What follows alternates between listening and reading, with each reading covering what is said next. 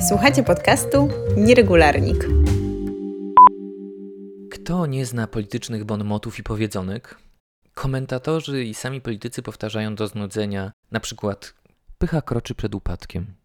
Najpierw mówili tak politycy PiSu o Platformie Obywatelskiej, a później politycy Platformy o Prawie i Sprawiedliwości. Pycha kroczy przed upadkiem. Idealnie nadaje się na zakończenie chwytliwego zdania, więc słychać jak powtarzają to sformułowanie i powtarzają aż do znudzenia.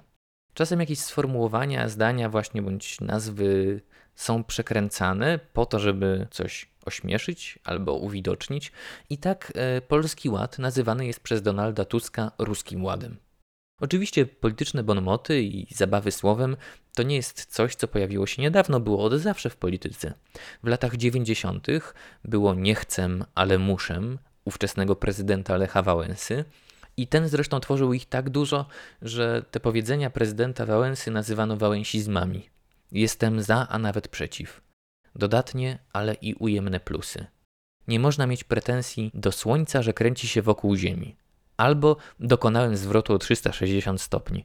No, te powiedzenia miały brzmieć mądrze i pewnie inteligentnie, ale niestety mądrymi i inteligentnymi nie były i wynika to prawdopodobnie z kompetencji kulturowych Lecha Wałęsy.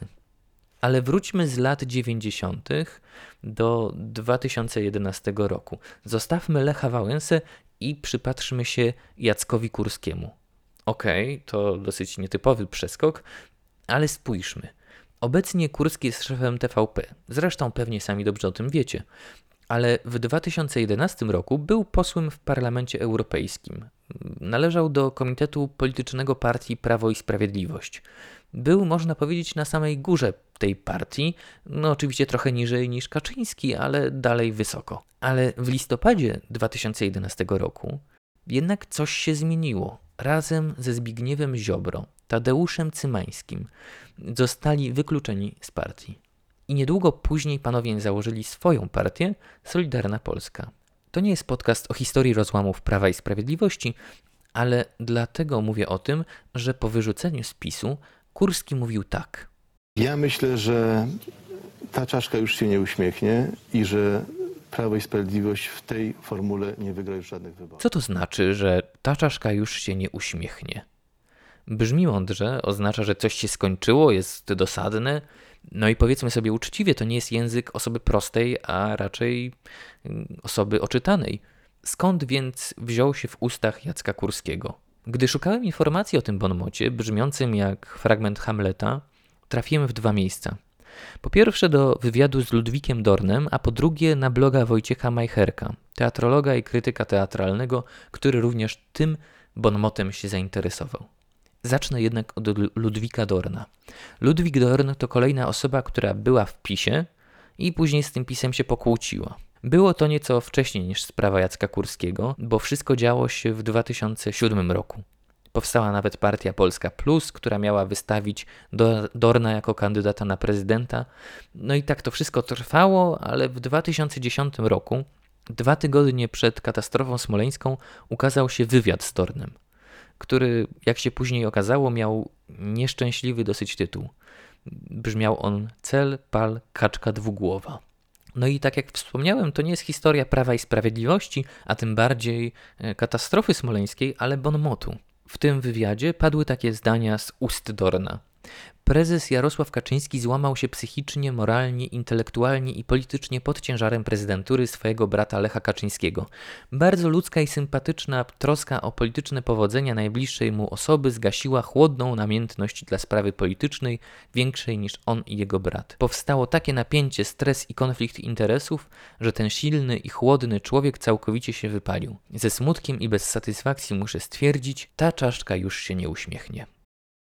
No i po pierwsze, wyjątkowo interesujące jest to, że bon mot o czaszce pada w dwóch bardzo podobnych sytuacjach. Politycy PiSu, z PiSem skłóceni, wyrzuceni i odrzuceni przez własne środowisko, podkreślają, jak bardzo nieudolnie partia bądź Kaczyński radzi sobie z partią i polityką i ze wszystkim. I dziś brzmi to nieco inaczej, ale gdy te słowa padały z ust Kurskiego i Dorna, PiS miał za sobą serię porażek wyborczych. To taka pierwsza obserwacja. Druga obserwacja na co wpadł również przywołany wcześniej Wojciech Majcherek, że może wyrzuceni z partii zaczynają Hamletem. I problem w tym, że sprawdziliśmy to i ja, i pan Wojciech. W Hamlecie ta czaszka już się nie uśmiechnie, ten to zdanie nigdy nie padło. Skąd więc Dorn i Kurski to wzięli? Kurski, mówiąc to rok później po Dornie, zapewne wziął to od Dorna. Ale skąd Dorn to wziął? Wymyślił to sam? Nie. Przyznaję, to internetowe śledztwo nie było wyjątkowo skomplikowane. Pomimo, że Google nie ułatwia sprawy, to jeśli się zagłębimy w komentarze pod wpisem Majcherka, znajdziemy odpowiedź.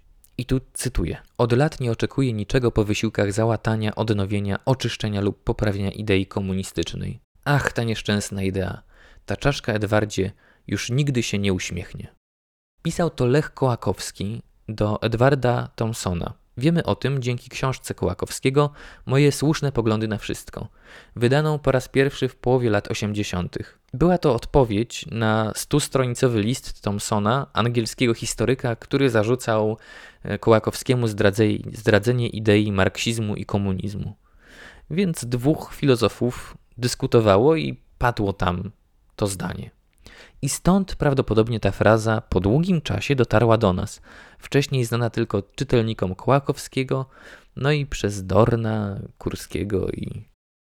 Tak, ten podcast ukazuje się nie bez przyczyny teraz. A to dlatego, że w 2021 roku sformułowanie ta czaszka już się nie uśmiechnie padło kolejny raz. I znowu w kontekście PiSu. Choć w tym wypadku dotyczy jednej konkretnej osoby. Internetowi włamywacze, hakerzy, służby specjalne co jakiś czas publikują maile najważniejszych osób w państwie.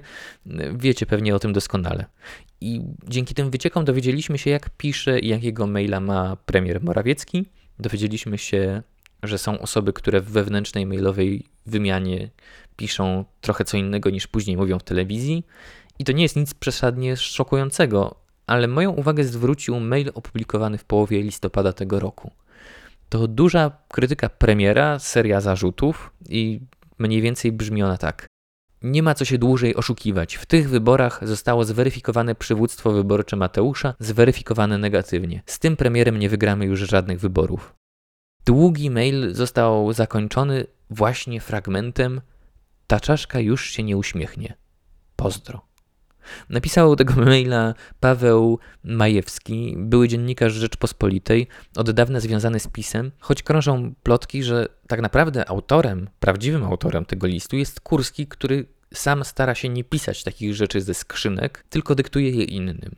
Właśnie po to, żeby w razie wycieków nie być tam podpisanym swoim imieniem i nazwiskiem. Są to jednak rzeczy, których nie sposób zweryfikować i których pewnie nigdy się nie dowiemy.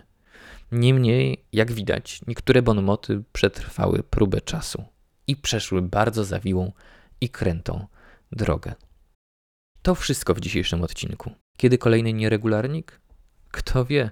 O czym? No cóż, tego ode mnie też się nie dowiecie. Ale jeśli jednak ten odcinek był dla Was interesujący, to jest mi bardzo miło. I jest duża szansa, że kolejne odcinki też Wam się spodobają.